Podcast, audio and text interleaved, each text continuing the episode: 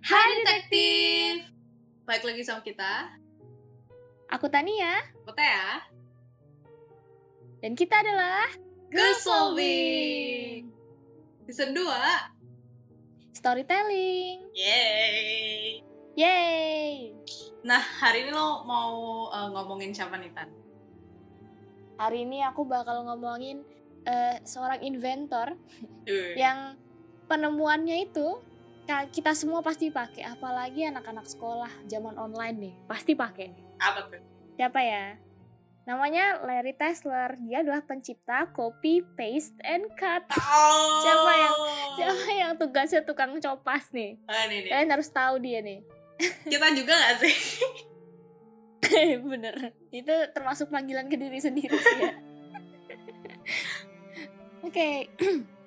Jadi, Tesla lahir pada tahun 1945 di New York. Dia belajar ilmu komputer di Universitas Stanford dan setelah lulus berkecimpung dalam penelitian kecerdasan buatan. Pada 1973, Tesla mengambil pekerjaan di Xerox Paulo Alto Research Center atau PARC, di mana dia bekerja hingga 1980. Xerox PARC terkenal dengan mengembangkan pengolahan kata pertama dengan antarmuka grafis. Tesla menyebutnya Gypsy, yang terkenal karena menciptakan istilah cut, copy, dan paste, yaitu perintah menghapus, menduplikasi, dan memposisikan potongan teks. Xerox PARC tidak memanfaatkan penelitian inovatif yang dilakukan dalam hal komputasi personal sehingga pada 1980 Tesla lompat ke Apple Computer di mana ia bekerja hingga 1997. Beberapa tahun dia memegang berbagai posisi termasuk wakil presiden AppleNet, bahkan kepala ilmuwan Apple, posisi yang pernah dipegang Steve Wozniak sebelum akhirnya meninggalkan perusahaan itu. Sehingga selain kontribusinya pada beberapa perangkat keras Apple, Tesla juga dikenal karena upayanya untuk membuat perangkat lu- lunak dan antarmuka penggunaan lebih mudah diakses. Selain terminologi cut, copy, dan paste yang ada di mana-mana, Tesla juga merupakan pendukung pendekatan desain modelless computation yang tercermin dalam situs pribadinya. Tesla memastikan bahwa tindakan pengguna tetap konsisten di berbagai fungsi dan aplikasi sistem operasi. Ketika mereka telah membuka pengolah kata, misalnya, pengguna secara otomatis berasumsi bahwa menekan salah satu tombol alfanumerik pada keyboard mereka akan menghasilkan karakter yang muncul di layar pada titik penyisipan kursor. Namun, ada saatnya ketika pengolah kata dapat beralih antara beberapa mode di mana mengetik pada keyboard akan menambahkan karakter ke dokumen atau secara bergantian memungkinkan perintah fungsional dimasukkan. Setelah meninggalkan Apple pada 1997, Tesla mendirikan sebuah perusahaan rintisan teknologi bernama Stagecast Software, di mana menge- dia mengembangkan aplikasi yang membuatnya lebih mudah diakses oleh anak-anak untuk mempelajari konsep pemrograman. Pada 2001, ia bergabung dengan Amazon dan akhirnya menjadi wakil presiden pengalaman belanja di sana. Pada 2005, Tesla beralih ke Yahoo di mana ia mengepalai pengalaman pengguna dan kelompok desain perusahaan itu. Kemudian pada 2008, ia menjadi rekan produk di 23andMe dalam CV-nya. Larry Tesler meninggalkan 23andMe pada 2009 dan sejak saat itu sebagian besar fokus pada pekerjaan konsultasi. Larry akhirnya wafat pada hari Senin 17 Februari 2020 di usia 74 tahun. Gitu. Pas ini pas Bapak copy paste. anu ya, wak- lahirnya waktu ini. Oh iya benar 1945. Dia juga alumninya Maudia Yunda loh nih, Stanford. Uh. Pantes aja ya, mau dia tuh pinter banget. Ini apa ya namanya? Alumninya Iya, gitu. alumninya kayak gitu. Tapi berjasa banget sih. Iya, terus dia juga kayak jam terbangnya tinggi banget gak sih dari satu company ke company yang lain? Maksudnya kayak dari Xerox terus abis itu ke Apple terus ke Amazon juga. Iya. Gila sih. Itu kayak eh, besar-besar semua gitu. Kayak oh, keren. Mm-mm. Dan jabatan dia juga nggak kecil gitu loh. Jabatan dia tinggi tinggi juga di sana. Emang encer banget otaknya ya.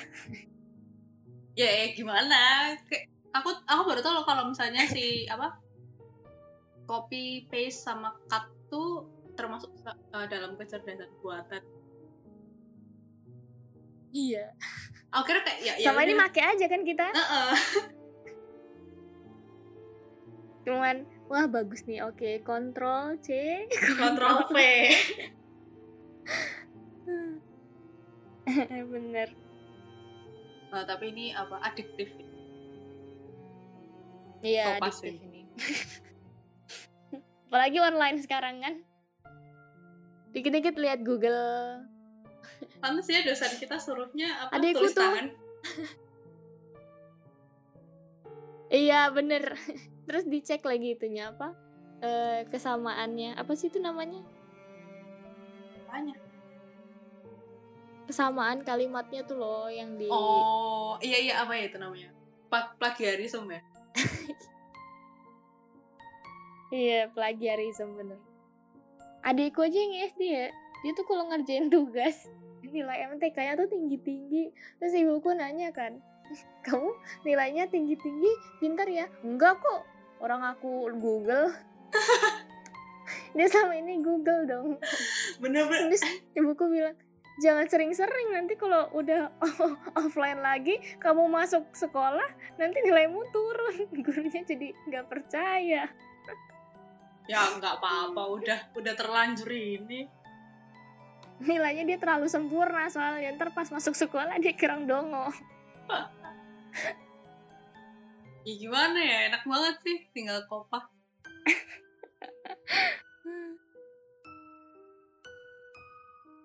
iya tinggal di Brandly ya tinggal searching. Tinggal kopas foto. Atau enggak kirim email. Tapi dia anu ya oke juga ya dia mau mendidikan kayak pendidikan iya buat anak-anak ya yang suka apa IT programmer gitu-gitu. Soalnya adik sepupuku tuh juga udah kayak eh, mau belajar coding gitu-gitu loh. Wih adik sepupu umur berapa? Masih SM wih gila gila. Calon IT nih Ah. coding coding belum mantap. belum tahu aja kayak gimana musiknya tuh coding.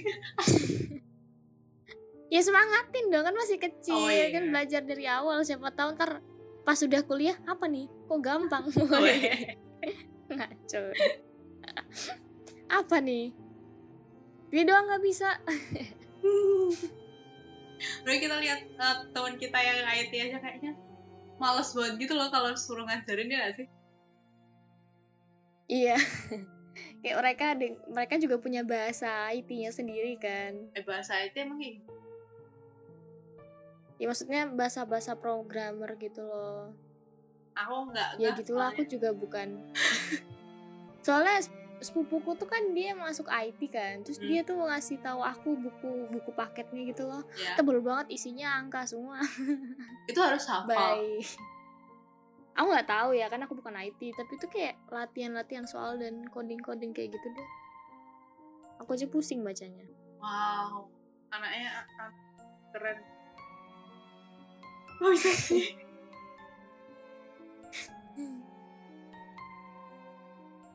Nah, kalau listeners gimana nih? Buat kalian yang dengerin podcast ini, kalian jurusan IT, bisa dong kalian eh kayak ngasih pendapat kalian atau kayak eh, fakta-fakta tentang IT di email kita. Di uh, teaternya 11 at gmail.com. Yeay, soalnya kita berdua nih anak fisip nih, sama-sama nggak ngerti soal per-IT-an dan pemrograman segala halnya. Iya, apalagi coding yang kita tahu cuma berkomunikasi yang baik dan benar itu aja kita kadang nggak benar. ya namanya juga baru belajar Oh kan iya, benar-benar. belajar belajar semester 6 Hai doang kita. Hahaha lulus saya tiba-tiba. Apa ini? Oke, oke jadi itu aja dari podcast kita hari ini. See you in the next podcast. Bye.